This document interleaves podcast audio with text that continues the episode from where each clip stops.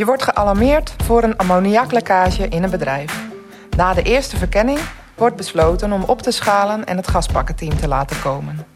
Wat komt er vervolgens allemaal op je af?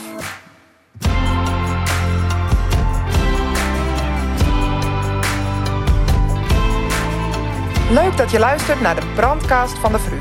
Mijn naam is Fanny Spierenburg. Elke aflevering bespreek ik één incident en de lessen die we daaruit kunnen leren. Goed dat je luistert naar deze brandcast. Ik zit hier aan tafel met Mark Bokhoven, regiehouder IBGS. Mark, over welke casus ga je vertellen? Ehm, ik ga vertellen over uh, de ammoniaklekkage uh, in Woudenberg. Daar is een, een, een gaspakken inzet gedaan uiteindelijk en dat uh, past weer goed bij mijn vakgebied. Ja, interessant. En was je zelf ook bij, die, bij deze inzet betrokken? Nee, ik ben niet bij de inzet zelf betrokken geweest. ik ben wel bij de nabespreking gevraagd omdat de gaspakken inzet bij mijn taak als, als specialist IBGS hoort. Ja, precies. Ja. Leuk. Nou, ik ben benieuwd. Wat was de melding? De melding was eigenlijk precies wat we net ook al aanhaalden. Dat is ammoniaklekkage bij een bedrijf in Woudenberg. Ja. En toen de eerste tankuitspuit ter plaatse kwam, wat was de, wat was de situatie? ter plaatse betrof het een, een, een, bedrijf waarbij in ieder geval de ammoniakinstallatie onderhoud werd gepleegd. Een externe monteur is vergeten een, een, een kraan dicht te zetten... waardoor uh, de ammoniak eigenlijk vrij uh, de ruimte in, uh, instroomde. Ja, precies. Um, ja, wat was vervolgens het plan? Um, nou ja, als je ter plaatse komt, zal de eerste tankautospuyt uiteraard een verkenning uitvoeren. En ehm, die, die zal informatie ophalen bij de deskundigen. Dat is de deskundige van het bedrijf of, en of de, de externe monteur.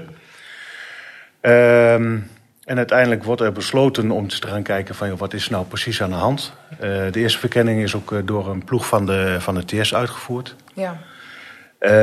Um, er is inmiddels ook opgeschaald uh, naar een peloton IBGS waar het, het gaspakken een onderdeel van is. Um, uiteindelijk blijkt ook dat, dat, of de inschatting is geweest dat de concentratie dermate hoog was in die ruimte dat het niet verantwoordelijk was om in een uh, bluspak of met veel werkpak een, uh, een actie uit te gaan voeren. En uiteindelijk is uh, het incident gestabiliseerd door collega's in gaspakken. Ja, precies. Die hebben het gat uiteindelijk gedicht. Het gat gedicht, de, kra de kraan dichtgedraaid. Zo, zo ja. eenvoudig kan het zijn inderdaad. Prachtig. Ja. En, en hoe liep dat, die uitvoering? Want dat gaspakkenteam dat werd gealarmeerd. En ja. toen, hoe, hoe loopt dat? Nou ja, dat, dat duurt altijd even. Want uh, uit de hele regio komen allerlei uh, functionarissen ter plaatse. Hmm. Uh, er komt uiteraard het gaspakkenteam. Bestaande uit uh, twee, vier gaspakdragers met wat hulptroepen erbij. Ja. Een ontsmettingseenheid, een milieucontainer komt ter plaatse. De adviseur gevaarlijke stoffen was al ter plaatse. Um, en er komt uh, iemand leiding geven aan het, uh, aan het uh, peloton IBGS. En dat is dan in dit geval de OVD van, van Utrecht geweest. Dat klinkt als dat er best heel wat voor ja. op je afkomt. Ja, dat, dat is vaker inderdaad bij het grootschalige, grootschalige optreden. er komen veel, veel functionarissen te plaatsen met heel veel auto's, ja. spulletjes.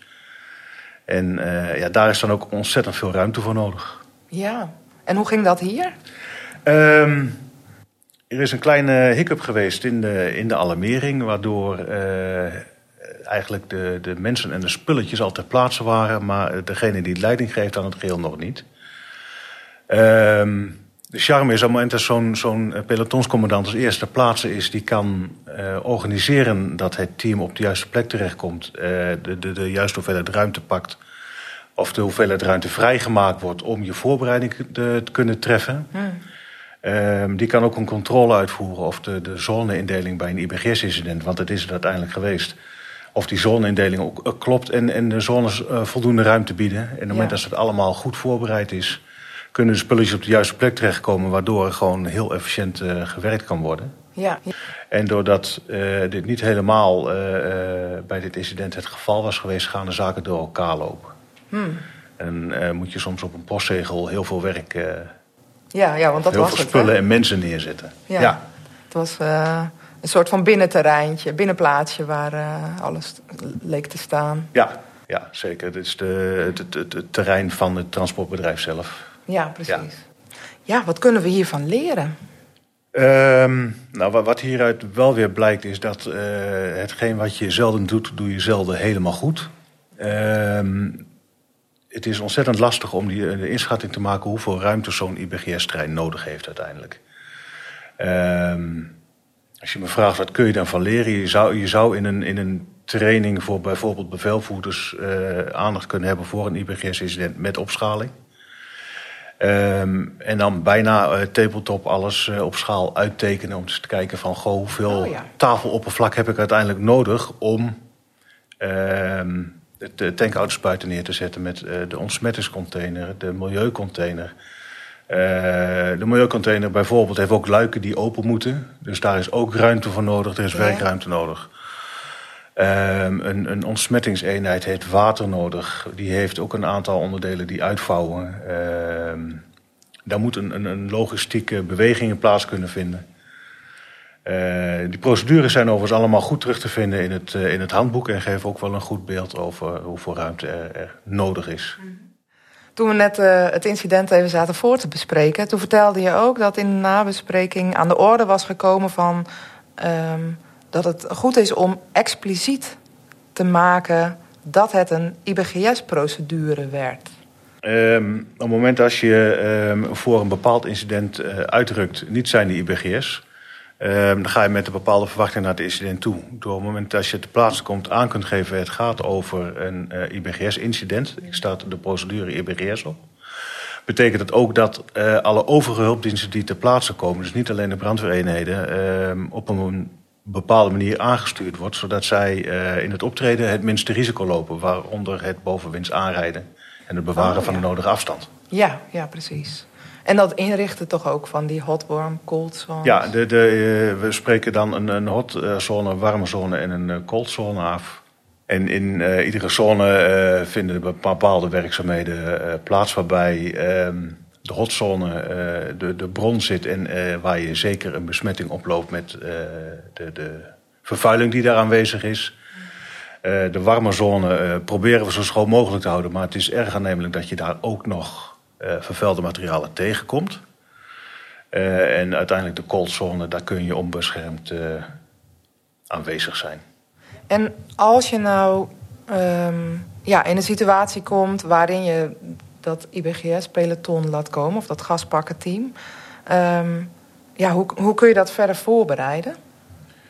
Nou ja, het is natuurlijk goed om, om kennis van, uh, van uh, de uh, werkwijze van een IBGS-peloton te hebben. En um, wat daarbij helpt is ook dat je vooral groot denkt. En als dat grote denken verdubbelt, dan zit je aardig in de buurt van, van wat er aan ruimte nodig is. Ja. Um, de standaardprocedure is tegenwoordig dat je op 25 meter afstand gaat kijken uh, wat er aan de hand is. Um, maar probeer maar eens op 25 meter afstand een tweetal containers, twee tankauto's en twee busjes te plaatsen. En dan ook nog eens lekker te kunnen werken. Dat is bijna onmogelijk. Dus probeer die afstand wat groter te maken. Zonder dat je een hele avondvierdaagse moet lopen met ja, je spullen. dat is wel het risico. en dan hebben we het over de diepte. Maar probeer ook wat breder te denken. En wat, wat behulpzaam is, is dat je een, een, een parkeerplaats daarvoor neemt.